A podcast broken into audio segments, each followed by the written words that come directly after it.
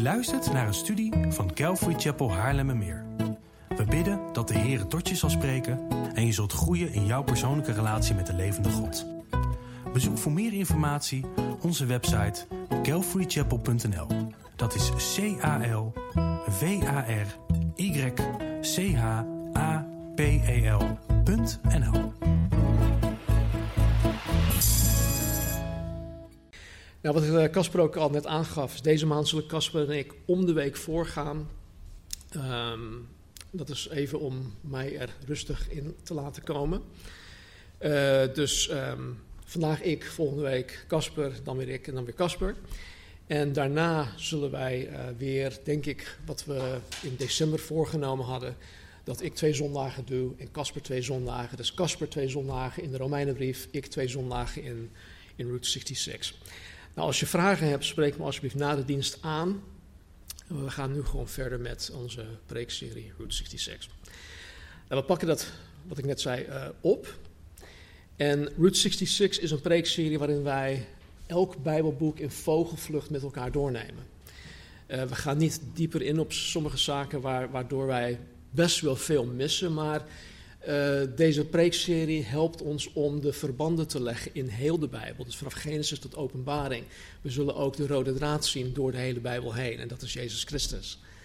Dus het is een belangrijk iets om door de Bijbel op deze manier te gaan. Naast wat we dan ook vers voor vers met um, ja, wat Casper nu aan het doen is. Door een Bijbelboek heen. Um, systematisch door een Bijbelboek heen. En wij, wij, wij doen dit, althans ik voel me ertoe aangezet om dit met de gemeente te doen, um, zodat wij geestelijk zullen groeien naar volwassenheid toe. Wij horen niet als onmondig of als zuigelingen te blijven in ons christen zijn. Op het moment dat wij tot wedergeboorte komen, dan zijn wij baby's. Maar God wil niet dat wij een, vijf jaar lang, tien jaar lang nog steeds aan de melkfles zuigen. Of dat wij nog steeds in onze luiers ja, rondkruipen. Dus God wil dat wij naar volwassenheid toegroeien. En ook zodat wij dan geheiligd worden. Oftewel dat wij veranderd worden naar het evenbeeld van Jezus Christus. Jezus vroeg in zijn hoogpriestelijk gebed in Johannes hoofdstuk 17, vroeg hij aan God de Vader voor zijn discipelen, heilig hen door uw waarheid. Heilig hen door uw waarheid, uw woord is waarheid. En de, de heiliging waarover Jezus het had, uh, dat had te maken met twee dingen. Eén is heiliging dat God ons apart zet, apart houdt voor het werk van het evangelie, voor het werk van het koninkrijk. Dat is positionele heiliging. En dan is er ook nog een progressieve of voortgaande heiliging. En, en voortgaande heiliging is het proces waarin de wedergeboren christen veranderd wordt. De wedergeboren christen wordt veranderd en steeds meer het karakter, het hart, het denken van Jezus Christus krijgt. En de woorden van Johannes de Doper: Christus moet meer worden, ik echter minder.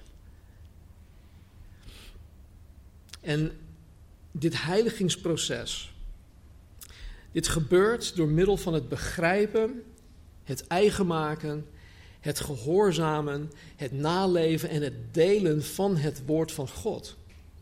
En vandaar dat Jezus dit expliciet aan God de Vader vroeg voor zijn discipelen, voor ons. Maar dit, heiliging gebeurt niet in isolement. Heiliging gebeurt niet in isolement. Men kan nooit zeggen: luister, God is met mij bezig God is persoonlijk met mij bezig, waardoor ik andere mensen gewoon niet nodig heb. Nee, heiliging werkt zo niet. En natuurlijk is God persoonlijk met zijn echte kinderen bezig, maar hoe God zijn kinderen heiligt, is in gemeenschap met broers en zussen in Christus, waarvoor Christus gestorven is. En daarom zal ik, en daarom zullen Casper en ik ook blijven hameren op de noodzaak van fellowship. Wij zullen blijven hameren op de noodzaak van gemeenschap. Want het is in gemeenschap met je broers en zussen die het woord van God willen naleven, dat je voortgaand geheiligd wordt. Er is geen andere mogelijkheid. En vooral nu, in deze rare tijden, is dit nog meer van belang. Omdat ik steeds vaker hoor dat men bijvoorbeeld niet naar de eredienst toekomt, omdat ze de livestream volgen. Kijk, natuurlijk is dat een risico op het moment dat wij hadden besloten: oké, we, gaan de, we, gaan, we gaan de diensten weer houden, maar we willen de livestream blijven, uh, blijven houden. En natuurlijk is dat risico daar altijd. Maar weet je hoe fijn het ook is om een livestream te kunnen bieden? Bieden wij die livestream voor mensen voor wie het absoluut niet mogelijk is om de eredienst bij te wonen. Het zij door afstand. Mensen uit heel het land die volgen onze, onze livestream. Die kunnen niet elke zondag twee uur, vier uur in de auto zitten. Um, dus het zij door afstand, het zij door lichamelijke beperkingen. Die mensen die zitten er ook tussen. Het zij door ziekte, enzovoort, enzovoort. Die mensen kunnen echt niet. Maar ik vrees dat er mensen zijn in de huidige uh, situatie die de huidige crisis dan als een, als een excuus gebruiken. Een excuus gebruiken om niet aan de gemeenschap, de fellowship, deel te willen nemen. En dan met alle gevolgen van dien. En deze mensen komen niet naar de eredienst toe en ze nemen geen deel aan de doordeweekse fellowship. En dit is voor hen echt een, een gevaarlijke ontwikkeling. En begrijp me alsjeblieft niet verkeerd. Ik heb het nu over mensen die niet willen. Ik heb het over jullie die niet willen. Weet je, er, er, is trouwens iemand in onze gemeenschap, in de Calvary Chapel, die zondags niet komen kan. Vanwege omstandigheden thuis. Die kan zondags niet komen, maar die hecht zoveel waarde aan fellowship dat die persoon in, in twee van onze online fellowship groepen zit. En die, die persoon doet gewoon twee avonden in de week mee in de fellowship. En die persoon die groeit ook als kool. En weet je wat, deze persoon heeft een gezin thuis, die heeft kleine kinderen thuis. Dus kom op man. Er is echt geen reden behalve je eigen wil om het te willen of niet te willen. Dus het geldt niet voor jullie die hier zitten, maar jullie daar. Dus als jij de gemeenschap nu dus aan het verzaken bent, zoals Hebreeën 10:25 dat zegt, vanwege de, de crisis, onderzoek je eigen hart en laat de Heilige Geest jou overtuigen onderdruk zijn stem alsjeblieft niet. Want het gaat jou geestelijke groei en welzijn um, kosten. I'm back. In onze reis door de Bijbel heen maakten wij een, eh, een, aantal maanden geleden in deel 1 een begin aan het 17e Bijbelboek Esther. En vandaag um, in deel 2 maken wij het boek af. Dus laten we, zoals we gewend zijn, de eerste 17 nu al Bijbelboeken samen noemen. Ja? Genesis, Exodus, Leviticus, Numeri, Deuteronomium, Jozua, Richteren, Rut, 1 Samuel, 2 Samuel, 1 Koningen, 2 Koningen, 1 Kronieken, 2 Kronieken, Ezra, Nehemia, Esther. Ja, oké het begint pas echt moeilijk te worden wanneer we bij de kleine profeten komen. Dus, maar we gaan het leren. Oké, in de tijdlijn. De tijdlijn bevinden wij ons aan het einde van de geschiedenis van het van Oud-testamentisch Israël. De geschiedenis eindigt met Nehemia hoofdstuk 13. Maar hoewel Esther in onze Bijbels, dus in onze Bijbelboeken, op volgorde na Nehemia komt, vonden de gebeurtenissen in het Bijbelboek Esther eerder plaats. Eh, die vonden plaats tussen Ezra, en, uh, tussen Ezra 6 en Ezra 7 in. Dus ik hoop, ik hoop dat jullie deel 1 van de week hebben bekeken of hebben beluisterd. Want daarin wordt de basis van het verhaal gelegd. En als je dit niet hebt kunnen doen, dan heb je gelukkig nog altijd de mogelijkheid om het achteraf uh, of naderhand online te beluisteren of te bekijken. Um, ja, nou we eindigden maanden geleden deel 1 met hoofdstuk 4, waarin Esther, uh, Mordechai en alle Joden zich in de grootste crisis ooit bevonden.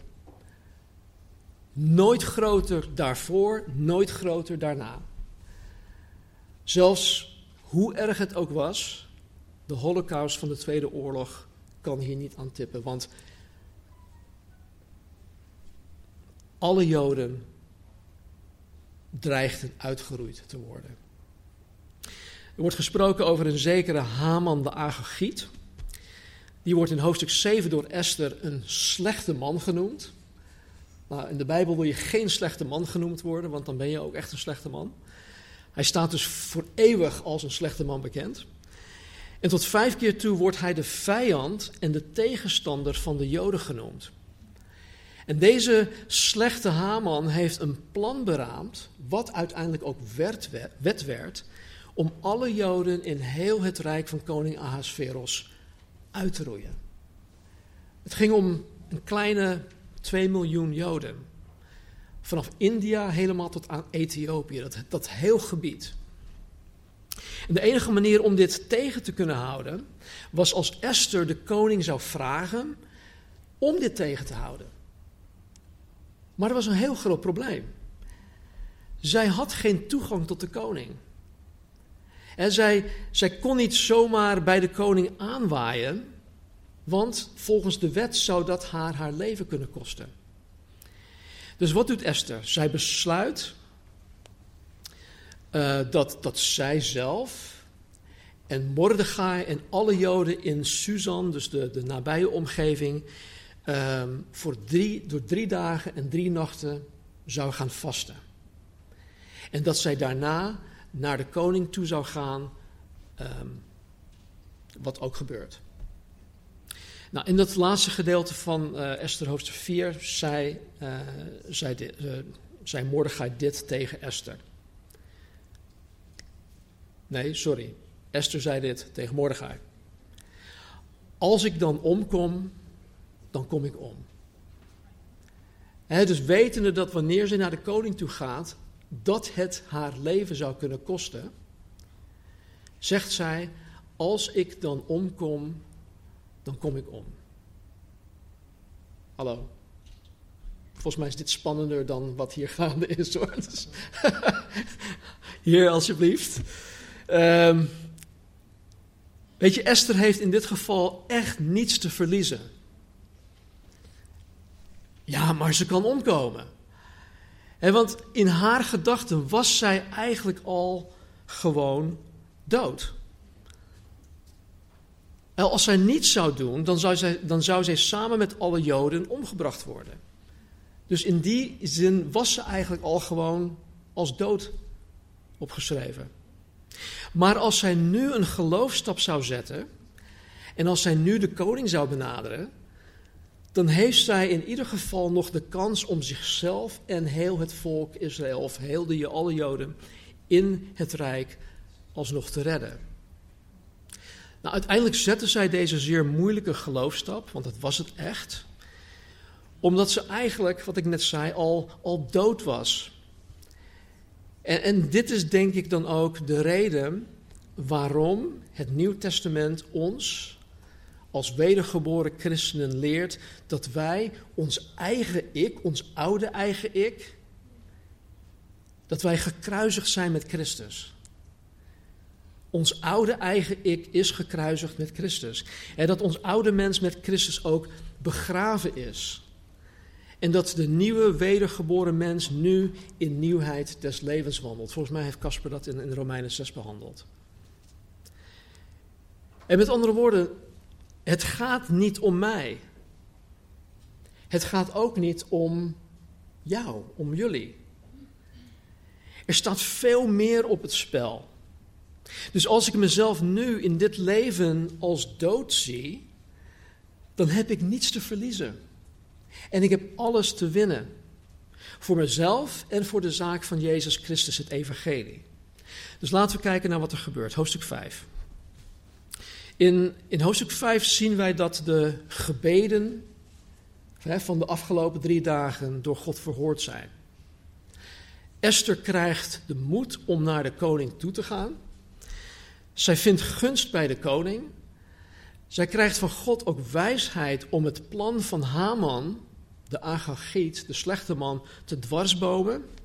En ze wordt steeds, in dat proces wordt ze steeds fijngevoeliger voor de stem en voor de leiding van de Heer.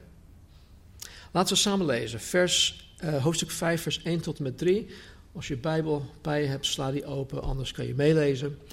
Het gebeurde op de derde dag dat Esther een koninklijk gewaad aantrok en ging staan in het binnenste voorhof van het huis van de koning, tegenover het huis van de koning.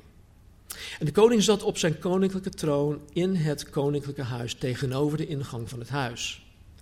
En het gebeurde toen de koning, koningin Esther in het voorhof zag staan, dat zij genade vond in zijn ogen, zodat de koning Esther de gouden scepter die in zijn hand was, toereikte. En Esther kwam naar voren en raakte het uiteinde van de scepter aan. Toen zei de koning tegen haar: Wat is er met u, koningin Esther, en wat is uw verzoek? Het zal u gegeven worden, al was het ook de helft van het koninkrijk. Tot zover. Esther is binnen. De koning is haar welgezind. Ze mag vrij uitspreken om haar verzoek aan de koning bekend te maken. En op haar beurt vraagt Esther de koning of alleen hij, dus de koning, en Haman, de rechterhand van de koning, op die dag bij haar willen komen eten. Vervolgens komen de koning en Haman naar de maaltijd toe. En de koning vraagt wat Esther wil. En wat zij ook vragen zou, haar, uh, zou haar gegeven worden, al was het ook de helft van het koninkrijk. Dus Esther krijgt op dat moment, tijdens de maaltijd, de kans van haar leven. Ze weet wat, wat, wat van haar verwacht wordt. Haar neef Mordechai had haar gevraagd: smeek de koning alsjeblieft om deze, deze wet, het edict van Haman, tegen te houden. En nu heeft zij dus de kans om dat bij de koning neer te leggen. En ze krijgt als het ware carte blanche van de koning. Maar kijk wat er gebeurt. Kijk naar wat er gebeurt. Vers 7 en 8. Toen antwoordde Esther: Mijn vraag en mijn verzoek is dit. Als ik genade heb gevonden in de ogen van de koning, als het de koning goed dunkt op mijn vraag in te gaan en aan mijn verzoek te voldoen, laat dan de koning met Haman naar de maaltijd komen die ik voor hen zal aanrichten. En dan zal ik morgen doen overeenkomstig het woord van de koning. Tot zover. Ik heb zoiets van, meid, waarom stel je het uit? Waarom heb je nu niet je kans gegrepen om gewoon te zeggen wat, wat je moet zeggen?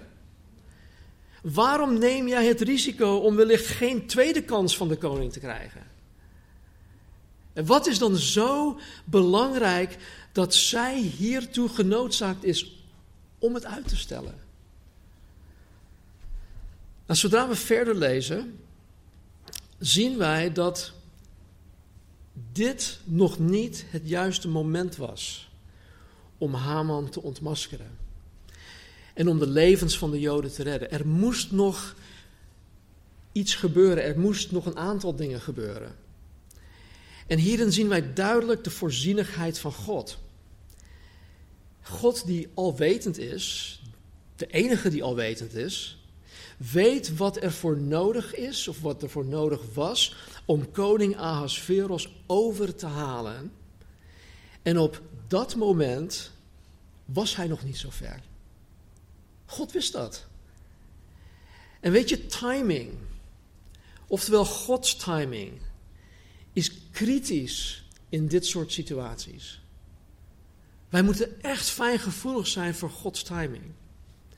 En dus Esther, die, die na het vasten en bidden fijngevoelig was voor de leiding van de Heilige Geest, stelde het uit en nodigde de koning en Haman uit voor een tweede maaltijd. En tijdens die maaltijd zou Esther haar daadwerkelijk verzoek aan de koning bekendmaken. Dus laten we kijken naar wat er nog moest gebeuren om de koning en de situatie klaar te krijgen. Hè, voor wat Esther wilde bereiken.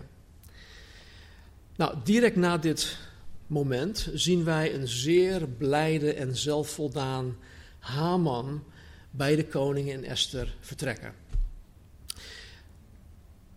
Maar zodra hij Mordechai bij de poort tegenkwam en zodra, hij, zodra Mordechai niet voor hem neerboog, werd hij woedend over Mordechai. Goed, hij werd woedend, maar hij ging naar huis toe. Hij ging naar huis toe en hij vertelde zijn vrouw en al zijn vrienden hoe de koning hem verheven had boven alle andere vorsten, alle andere dienaren van de koning. Hij was aan het opscheppen over het feit dat alleen hij nu voor een tweede keer uitgenodigd werd om samen met de koning en de koningin te gaan eten. Maar ondanks al deze bijzondere dingen in zijn leven zat het hem enorm dwars dat hij elke dag met deze rebellerende Mordechai geconfronteerd zou moeten worden. Voor hem was het echt een doorn in zijn vlees.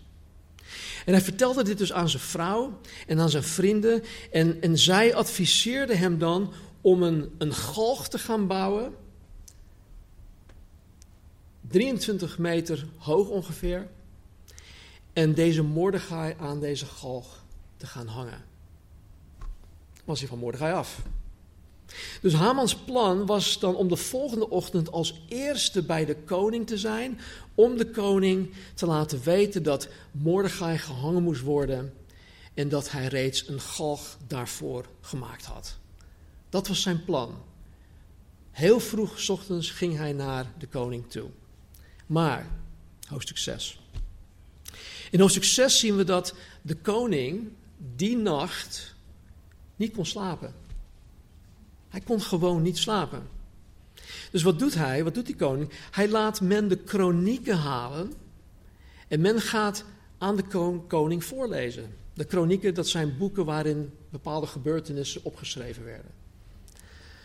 En op een gegeven moment lazen zij een stuk van ruim vijf jaar daarvoor, waarin staat dat Mordechai een complot tegen de koning had weten te verijdelen.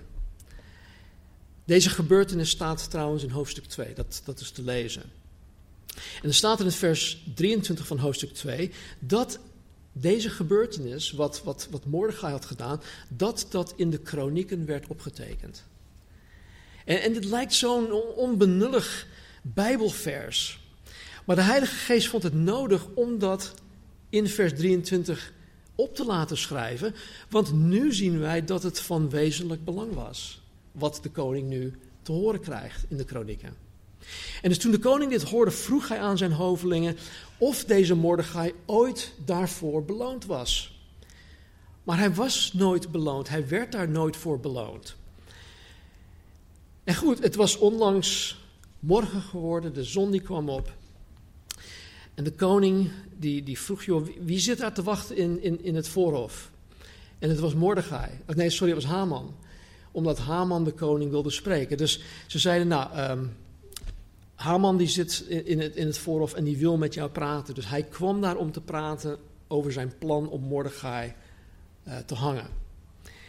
Maar er staat er in vers 6 tot en met 10 dit. Toen Haman binnengekomen was, zei de koning tegen hem: Wat moet worden gedaan voor de man aan wie het de koning behaagt eer te bewijzen? Toen dacht Haman bij zichzelf: Aan wie behaagt het de koning meer eer te bewijzen dan aan mij? Daarom zei Haman tegen de koning: Voor de man aan wie het de koning behaagt eer te bewijzen, moet men het koninklijk gewaad brengen dat de koning gewoon is zelf te dragen. En het paard waarop de koning gewoon is zelf te rijden. En laat een koninklijke diadeem, een kroon, op zijn hoofd gezet worden. En dan moet men dat gewaad en paard en dat paard in handen geven aan iemand of van iemand uit de vorsten van de koning, de edelen. En dan moet men hem aan wie het de koning behaagt eer te bewijzen, hiermee kleden en hem op dat paard doen rijden over het plein van de stad en voor hem uitroepen. Zo wordt gedaan met de man aan wie het de koning behaagt eer te bewijzen. Toen zei de koning tegen Haman: Haast u, neem het gewaad en het paard zoals u gesproken hebt en doe zo met de Jood Mordechai die in de poort van de koning zit. Laat geen woord vallen van alles wat u gezegd hebt. Tot zover. Die verwaande Haman, die dacht dat alleen hem dit soort eer toekwam. En vandaar dat hij alles uit de kast trok om zichzelf zoveel mogelijk in het zonnetje, in het zonnetje te kunnen zetten. Maar hij had het goed mis. Hij had het echt mis. Alles wat hij voor zichzelf wilde, moest hij nu doen voor zijn aardsrivaal Mordechai, die hij zo haatte, die hij wilde doden. Zijn plan om Mordechai te laten hangen werd volledig verijdeld. En dit is nu Gods voorzienigheid in actie. Bijbelcommentator J. Sidlow Baxter schreef dit hierover. Hij die in de hemel zit, zal met meesterlijke vaardigheid de rollen omdraaien tegen de goddelozen en zijn eigen volk verlossen. Dat is onze God. Dat is de God die wij kennen, de God die wij dienen. Hoofdstuk 7. Nou, in hoofdstuk 7 gaan de koning en Haman dus nu voor de tweede keer naar de maaltijd toe. En opnieuw vraagt de koning wat zij hebben wil. Nogmaals, koningin Esther krijgt carte blanche. Laten we samen lezen. Hoofdstuk 7, vers 3. Toen antwoordde koningin Esther en zei: Als ik genade in uw ogen heb gevonden, koning. En als het de koning, koning goeddunkt, dat men mij dan op mijn vraag mijn leven zal geven en op mijn verzoek het leven van mijn volk. Want wij zijn verkocht ik en mijn volk, om te worden weggevaagd, gedood en omgebracht. Zouden wij als slaven en, en als slavinnen verkocht zijn, dan zou ik hebben gezwegen. Hoewel ook dan de tegenstander de schade voor de koning zeker niet zou kunnen vergoeden. En toen sprak koning Ahasveros en zei tegen de koningin Esther: Wie is hij en waar is hij die zijn hart vervuld heeft om zo te handelen? En Esther zei: De man de tegenstander en vijand is deze slechte Haman. Toen werd Haman door angst overvallen in de tegenwoordigheid van de koning en de koningin. Woedend stond de koning op van het drinken van de wijn en ging naar de tuin van het paleis. Haman bleef staan om bij de koningin Esther voor zijn leven te smeken, want hij zag dat bij de koning het onheil over hem ten volle besloten was. Toen de koning uit de tuin van het paleis terugkwam in de zaal waar men de wijn gedronken had, was Haman neergevallen op het rustbed waarop Esther lag. En de koning zei: Zou hij ook nog de koningin in huis aanranden in mijn bijzijn? En toen dit woord uit de mond van de koning was gekomen, bedekte men het gezicht van Haman. Hij kreeg zo'n soort zak over zijn hoofd. En Garbona, een van de hovelingen die in dienst stond van de koning zei: Zie, ook de galg van Haman heeft, eh, die Haman heeft gemaakt voor Mordechai, die goed voor de koning gesproken heeft, staat bij het huis van Haman, 50 el hoog. En toen zei de koning: Hang hem daaraan. Toen hingen zij Haman aan de galg die hij voor Mordechai had laten oprichten. En toen bedaarde de woede van de koning. Tot zover. Wauw, wat kreeg dit verhaal toch een, een hele andere wending. God had geen zichtbaar bovennatuurlijk wonder hoeven te verrichten. Om dit allemaal te bewerkstelligen, zoals hij dat met Mozes en met anderen heeft gedaan. Maar God was wel degelijk achter de schermen bezig om deze zaak, deze situatie, deze gebeurtenissen en deze mensen te, te sturen. En niet alleen te sturen, maar ook te overroelen. Door middel van zijn voorzienigheid. En alles dat tot nu toe in de vertelling is gebeurd, zou een, een, ja, een doorsnee, niet wedergeboren mens toeschrijven aan toeval.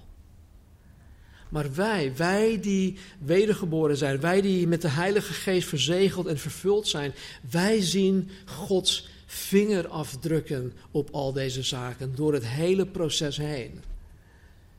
En onderschat dit niet, hè? wat een voorrecht het is om dit te kunnen zien en te mogen zien.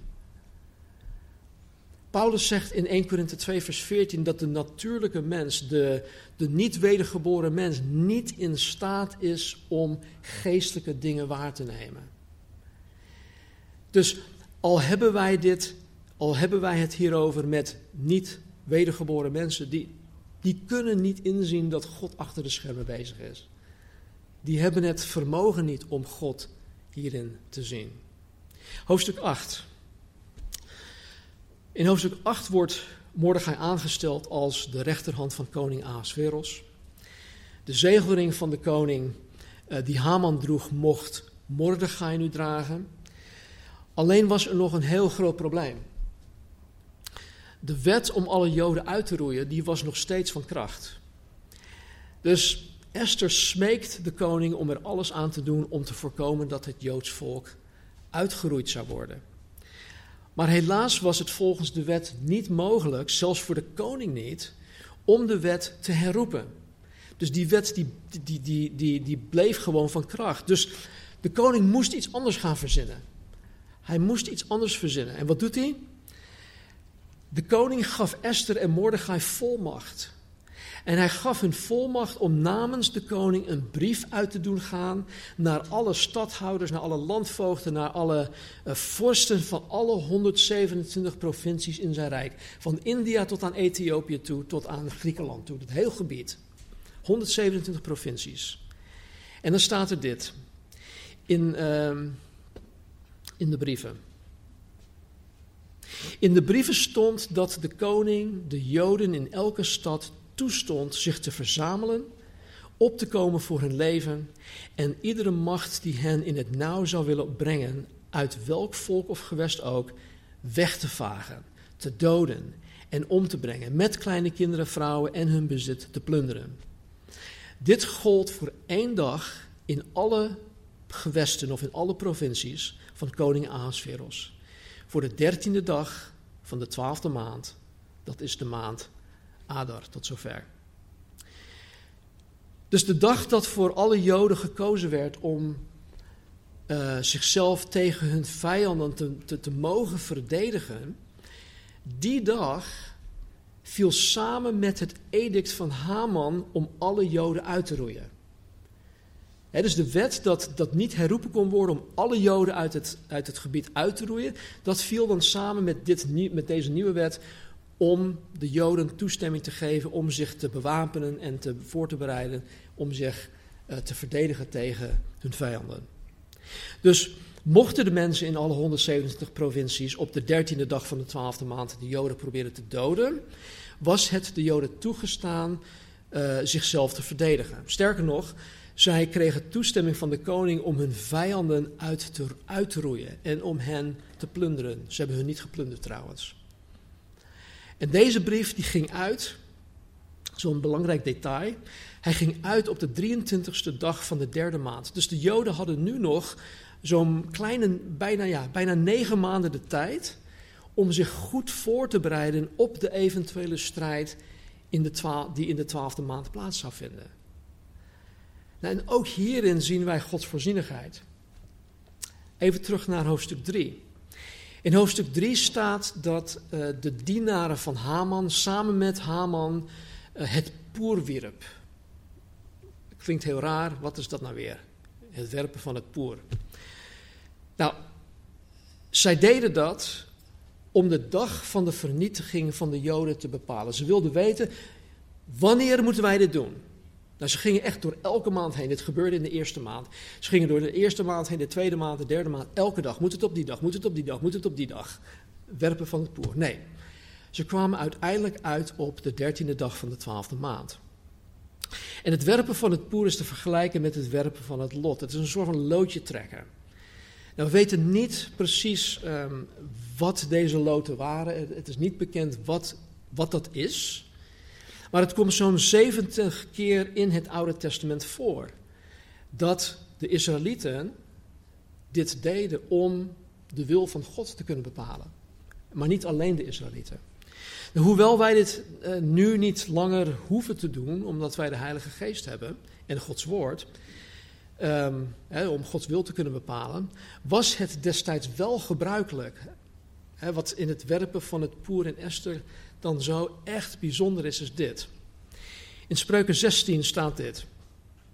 Het lot wordt in de schoot geworpen, maar elke beslissing daardoor komt van de Heer. Gods voorzienigheid. En we zien hier dus dat God zelf, door middel van het werpen van het poer, de twaalfde maand gekozen had. En dit om de Joden de tijd te gunnen om zichzelf goed te kunnen voorbereiden. En het gevolg van deze nieuwe ontwikkeling is opvallend.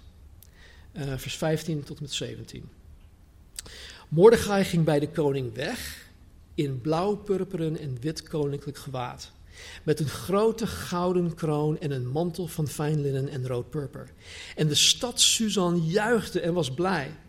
Bij de Joden was er licht en blijdschap en vreugde en eer. En in elk gewest en in elke stad waar het woord van de koning in zijn wet was aangekomen, was er bij de Joden blijdschap en vreugde. Er waren maaltijden en vrolijke dagen. Velen uit de volken van het land werden Jood, omdat angst voor de Joden op hen was gevallen. Tot zover. God gaf zijn volk licht en blijdschap. En vreugde en eer. Zij feesten. Ze hadden barbecues. Dat kan niet beter. En het gevolg daarvan was dat vele niet-Joden zich hadden bekeerd tot het Jodendom. De mensen zagen dat de goede hand van God over de Joden was. En dat zorgde ervoor dat zij aan de juiste kant en aan de winnende kant wilden staan. En ik geloof dat dit ook voor ons, anno 2021, geldt. Als mensen in, in onze omgeving de goede hand van God over ons leven zien, dan draagt dat bij aan de gesprekken die wij met hen voeren over het evangelie. Het bekrachtigt het evangelie in ons leven. Het siert het evangelie. En daarom is het zo belangrijk om mensen in je leven binnen te laten. Ik weet dat dat gepaard gaat met risico's, maar weet je, het is het risico waard. En als je gekwetst, gekrenkt, beroofd of wat dan ook wordt in dat proces, zo so be. Er staat veel meer op het spel dan alleen ons eigen ding, ons eigen ik.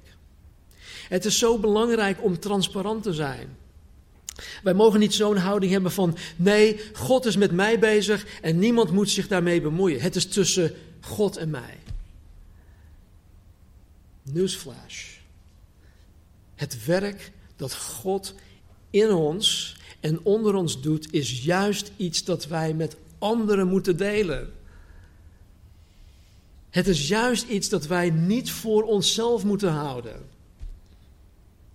Weet je, ik weet dat als je bijvoorbeeld in zonde vastgebonden zit en dat, je, en dat God daarmee aan het werk is, dat je met, met God eraan het worstelen is, dat je dat niet gewoon aan de klok hangt en dat je dat aan iedereen bekend maakt. Maar het is wel belangrijk om jouw zwakheden met anderen te delen, want anderen hebben diezelfde zwakheden. En als je dat andere mensen onthoudt, dan, dan dien je hun niet. Mensen moeten zien dat wij die, die wedergeboren christenen zijn, net zoveel problemen hebben en issues hebben als zij. Ook nu met corona. En maar ze moeten vooral zien hoe God in zijn voorzienigheid met ons omgaat. En hoe God in al onze rotzooi, in onze situaties, uh, gebeurtenissen en, en, en mensen dan stuurt om soms ook mensen en situaties te overroelen. Ten goede. God doet dat. En daarom is fellowship ook zo belangrijk. Ook onze broers en zussen moeten God in ons leven aan het werk zien. Want dat helpt hen. Het sterkt hen. Het bouwt Gods kerk op. Wanneer, dat, wanneer die dynamiek gaande is. In hoofdstuk 9 is het dan zover. De dertiende dag van de twaalfde maand breekt aan en waar de vijanden van de Joden hen probeerden uit te roeien, draaide God de rollen tegen hen om en gaf de overwinning aan de Joden. En er staat in vers 16 dat de Joden rust kregen van hun vijanden. Ze werden gewoon met rust gelaten, waardoor een nationale feestdag in het leven werd geroepen. Dit gebeurde op de dertiende dag, vers 17, van de maand Adar. Op de veertiende daarvan rustte zij en ze maakte die dag tot, tot een dag van maaltijden en blijdschap. En de Joden die in Susan waren, verzamelden zich op de dertiende en de veertiende van de maand en zij rusten op de vijftiende ervan. En zij maakten die tot een dag van maaltijden en van rust en van blijdschap. Daarom maakten de Joden van het platteland, die in, die niet ommuurde steden wonen, de veertiende dag van de maand Aardan tot een dag van blijdschap en maaltijden. Een vrolijke dag en een dag om elkaar geschenken te sturen. Mordechai beschreef deze gebeurtenissen en hij zond brieven aan alle Joden dichtbij en ver weg die in alle gewesten van koning Ahasveros waren. Om voor hen vast te leggen dat zij ieder jaar de veertiende dag van de maand Adar en de vijftiende dag daarvan moesten vieren. Als de dagen waarop de Joden rust gekregen hadden van hun vijanden, in de maand die voor hen veranderd was van verdriet in blijdschap en van rouw in een feestdag. En om deze dagen te maken tot dagen van maaltijden en blijdschap, om elkaar geschenken te sturen en gaven te geven aan de armen. Tot zover. Het is hier in hoofdstuk 9 dat het, Joods, het Joods feest Purim ingesteld wordt. En tot op de dag van vandaag vieren de Joden Purim. En hoofdstuk 10, dat is een heel kort stukje, daar bestaat uit een aantal uh, slotwoorden waarin Mordechai gewoon ontzettend in het zonnetje gezet wordt. Echt heel mooi. Tot slot. De vertelling van het boek Esther het gaat voornamelijk over de voorzienigheid van God. En hoe God alles, maar dan ook alles onder zijn soevereine controle heeft en hoe hij alles regisseert. En wat we ook zien is hoe God een menselijk gezien, onbeduidend Joods weesmeisje in een vreemd land um, gebruikt. Hij gebruikt een heel eenvoudig iemand om het Joods volk te redden. En het meest beduidend vers in het boek Esther is in mijn mening dit. Uh, heb ik die? Ja, die heb ik ook nog. En wie weet of jij, Esther, niet juist voor een tijd als deze tot deze koninklijke waardigheid gekomen bent. Juist voor een tijd als deze. Esther wilde niet. Maar met deze woorden vermaant Mordechai haar. Hij vermaande haar. En dat is ook nodig, ook in fellowship. En hij wil, haar, hij wil haar in laten zien dat God haar wellicht wil gebruiken om heel het Joods volk te redden van uitroeiing. Hij wil haar gebruiken. Haar. Een menselijk gezien onbeduidend Joods weesmeisje in een vreemd land. Wat ik in deel 1 ook al zei, zullen wij hoogstwaarschijnlijk niet door God in zo'n gewichtige positie geplaatst worden. Maar wij die wedergeboren, wij zijn kinderen van de Allerhoogste God. En die God heeft een plan. Die God heeft een reddingsplan met de wereld, niet alleen met het Joods volk. Hij wil de verlorenen zoeken en redden. En wie weet, wie weet of jij, jij, jij, jij, jij, jij, jij, jij niet juist voor een tijd als deze door de Here gebruikt wil worden. Het is heel goed mogelijk dat God achter de schermen misschien al jarenlang bezig is, omdat Hij jou wil gaan gebruiken voor zijn doeleinden. En weet je, door God gebruikt worden is het enige door God gebruikt worden, is het enige dat ware en voor eeuwig blijvende betekenis aan jouw leven kan geven. Misschien heb je daar hele andere ideeën over. God ziet dat totaal anders. Hij is gekomen om leven en overvloed te geven. Niet overvloed in materialisme of dat soort tijdelijke dingen, dingen van tijdelijke aard. Maar overvloed in het kennen en in het wandelen en met de Heer. En het zien dat God aan het werk is in en door jouw leven heen.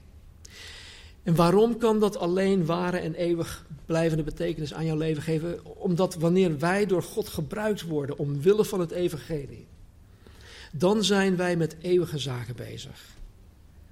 Niet met tijdelijke en aardse zaken die vergaan. Efeze 2 vers 10 zegt, want wij, wij die wedergeboren zijn, zijn zijn maaksel. Geschapen in Christus Jezus om goede werken te doen die God van tevoren bereid heeft opdat wij, opdat wij daarin zouden wandelen. God gaf Esther, een onbeduidend Joods weesmeisje in een vreemd land, betekenis in haar leven. Niet, door haar, niet doordat hij haar koningin had gemaakt, maar wat zij als koningin zou kunnen doen, wat zij gedaan heeft. Namelijk heel het Joods volk redden van uitroeiing. En weet je, wie weet hoe God betekenis aan, aan jouw leven, aan jouw leven, aan jouw leven wil geven. Laten we bidden. Hemelse Vader, dank u wel dat u soeverein bent. Dank u wel dat u alwetend bent. En dat u in uw soevereiniteit en in uw alwetendheid, in uw voorzienigheid, continu, 24-7, Heren, voor een ieder van ons aan het werk bent. Dat uw situaties, dat uw omstandigheden, dat uw mensen, dat uw zaken, Heer, stuurt en leidt en zelfs overruled. Om tot uw doel te komen met ons. Heer, dat gaat mijn piepklein verstand gewoon ver te boven. Dat u zo groot bent om dit met alle kinderen op individuele basis te doen. Heer, dank u wel dat u zo begaan bent met een ieder. Heer, dat wij als uw kinderen uw papa mogen noemen. En dat u niet een, een drukke papa bent met een drukke baan en met veel hobby's en met misschien ook wel met egoïsme. Maar dat u altijd bereid bent, Heer, om ons naar u toe te trekken. Dat wij te allen tijden, Heer, audiëntie bij u mogen krijgen. Dat u altijd een luisterend oor hebt. Dat u altijd wijze raad hebt. Dus Heer, hoe wij hier vanmorgen ook zijn gekomen, wat wij ook nodig hebben. U weet het. Help ons om dat in te zien. Help ons om, om doordrongen te zijn van het feit dat u van ons houdt, onvoorwaardelijk van ons houdt. En dat wanneer u ons geroepen hebt om gered te zijn, om uw kinderen te zijn, Heer, u wist van tevoren al wat voor rotzooi wij allemaal mee zouden nemen. U weet ook wat voor domme dingen, Heer, wij zouden doen. Hoe vaak wij zouden vallen en opstaan. Hoe vaak wij zouden afvallen. Maar Heer, u bent geduldig, u bent zo vastberaden om ons te heiligen, om ons verder te brengen. Dus Heer, geef ons dan ook het geduld. Geduld met onszelf en geduld met elkaar. Heer, want wie weet wat u voor ons heeft in een tijd zoals deze. Vooral nu ook, heren, met de coronacrisis. Mensen in de wereld die u niet kennen, heren, die weten het gewoon niet meer. Maar wij hebben het antwoord. Wij hebben het leven, wij hebben het evangelie. Help ons dan, heren, om zo dicht bij u te komen, zo dicht bij u te wandelen. Zodat wij uw handen en voeten mogen zijn. Zodat wij uw oren mogen zijn, uw mondstuk mogen, mogen zijn. Heren, voor mensen om ons heen die u zo hard nodig hebben. En help ons dan ook om alle rotzooi af te leggen, Heer. Alle zonde die ons zo gemakkelijk in de weg staat. Help ons, Heer, we hebben u nodig. Dank u wel, Heer, wanneer we vanmorgen het heilige avondmaal vieren. Help ons om stil te staan bij het volmaakt offer van Jezus Christus aan het kruis. Dat door het offer van Jezus Christus wij vergeven kunnen zijn. Volledig, Heer, van het verleden, van het heden, van de toekomst. Geen enkele zonde wordt ons meer toegerekend. Wij zijn geheel vrijgesproken. Het enige dat wij daarvoor hoeven te doen is ja tegen u te zeggen. Dus Heer, dank u wel voor het kruis. Dank u wel, Vader, voor uw zoon. Dank u wel, Jezus, dat u bereidwillig was om uw heerlijkheid af te leggen voor ons. En om maar de aarde toe te komen als een kwetsbaar mens. En niet alleen dat, maar om zelfs gekruisigd te worden door uw eigen schepping. Dank u wel, Heer. We houden van u en we willen u eren. In Jezus' naam, amen. In hoofdstuk 4, vers 16 zei Esther dat de wet van koning Ahasveros haar niet toeliet, toeliet of toestond om zonder uitnodiging audiëntie bij de koning te kunnen krijgen. En als zij zonder uitnodiging bij de koning kwam aanwaaien, dan zou zij de doodstraf kunnen krijgen.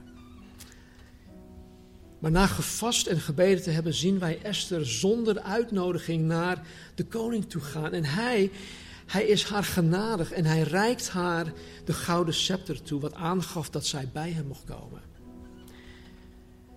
En weet je, ook volgens de wet van Mozes kan geen enkel mens toegang krijgen tot God. Buiten het evangelie om kan geen enkel mens toegang krijgen tot de levende God van de Bijbel. En volgens de wet van Mozes zou ook iedereen die het heiligdom binnen zou gaan, in de tempel of in de, in de tabernakel, ter plekke doodvallen. Maar door de genade van Jezus Christus, door het nieuw verbond, is het nu mogelijk. Nu, vandaag. Ook voor jullie is het nu vandaag mogelijk. Om bij de koning der koningen audiëntie te krijgen. En niet alleen audiëntie.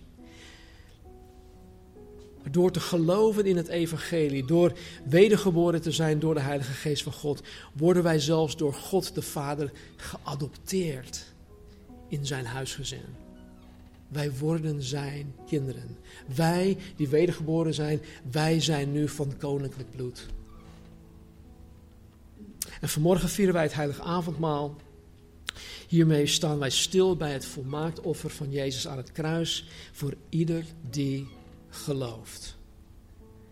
Het offer dat ons toegang geeft tot God de Vader. Dus als u of jij vanmorgen een wedergeboren christen bent, voel je vrij om straks deel te nemen aan het uh, heilige avondmaal, aan de elementen. Wij doen hier niet aan lidmaatschap, dus al ben je hier vanmorgen uh, te gast en ben je wedergeboren, voel je vrij. Het staat hierachter. Het aanbiddingsteam zal zo meteen uh, ons nog begeleiden in een aantal liederen. Zou zeggen, maak jezelf gereed om de elementen te ontvangen. Als je zonde hebt die je moet beleiden, beleid die naar God toe. Ik hoef het niet te weten. Um, maar maak, je, maak jezelf klaar. Paulus leert ons in de Korinthebrief om onszelf ook te onderzoeken. En niet te onderzoeken of we waardig zijn om dit wel of niet te kunnen doen, want wij zijn sowieso niet waardig. Maar onderzoek je eigen hart. Ben je wel wedergeboren? Behoor je hem toe? Zo ja, prijs de Heer. Zo niet, geef vandaag je leven aan de Heer. Geef jouw ja-woord aan zijn roepstem. Ik zal nog één stukje voorlezen en dan uh, kunnen we gaan. Trouwens, de elementen die zijn onder strikte, uh, uh, hoe zeg je dat? Um, ja, regels is dat allemaal gedaan. We hebben de, de, de, de, druivensap zit in de bovenste beker. Er zijn twee bekertjes op elkaar gestapeld, dus wees voorzichtig. In het onderste bekertje zit dan de matse, in het bovenste bekertje zit de sap. Dus als je een beetje nerveus bent, probeer niet over je heen uh, te morsen. Maar uh, het, is allemaal uh, ja, met heel veel zorg gedaan. Nou, 1 Korinthe hoofdstuk 11, vers 23 tot met 26 zegt Paulus: Ik heb van de Heer ontvangen wat ik u ook heb overgeleverd. Dat de Heer Jezus in de nacht waarin hij werd verraden brood nam. En nadat hij gedankt had, brak hij het en zei: Neem, eet, dit is mijn lichaam dat voor u gebroken wordt. En doe dat tot mijn gedachtenis. Evenzo nam hij ook de drinkbeker na het gebruiken van de maaltijd en zei: Deze drinkbeker is het nieuwe verbond in mijn bloed. Doe dat zo dikwijls als u die drinkt tot mijn gedachtenis. Want zo dikwijls als u dit brood eet en deze drinkbeker drinkt, verkondig de dood van de Heere totdat hij komt. Totdat hij komt. We, we kijken uit naar het moment dat Jezus de gemeente opneemt. We kijken uit naar het moment dat hij zeven jaar daarna, daarna terugkomt om zijn koninkrijk hier op aarde te vestigen. We kijken daarnaar uit. Dus neem gerust de tijd. En wanneer je er klaar voor bent, neem deel aan de elementen. Aan het einde zal ik nog uh, de dienst afsluiten.